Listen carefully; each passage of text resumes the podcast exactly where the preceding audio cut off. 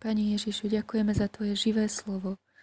Zatroubil pátý anděl a uviděl jsem hvězdu spadlou z nebe na zem a byl dán klíč od jícnu bezedné propasti.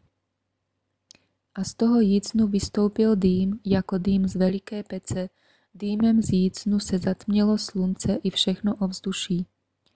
Z toho dýmu vyšly na zem kobylky a byla jim dána moc, jakou mají pozemští štíži.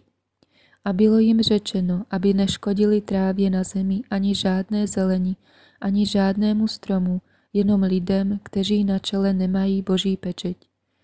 A bylo jim dáno, ne aby je zabíjeli, nýbrž aby jim působili trýzeň po pět měsíců, jejich trýzeň byla jako trýzeň od štíra, když bodne člověka.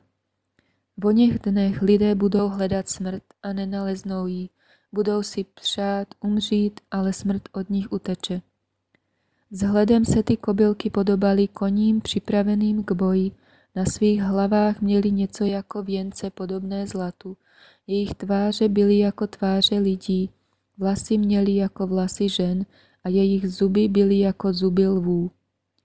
Měli hrudní pancíře jako ze železa a zvuk jejich křídel jako zvuk mnoha vozů s koňmi běžícími do boje.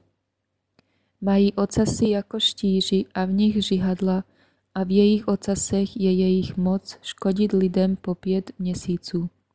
Nad sebou mají krále, anděla bezedné propasti, který se hebrejsky jmenuje Abaddon a řecký. Apilion. První bieda pominulo, hle ještě dvoje bieda přichází potom. Ďakujeme Duchu Svetý, že pôsobíš život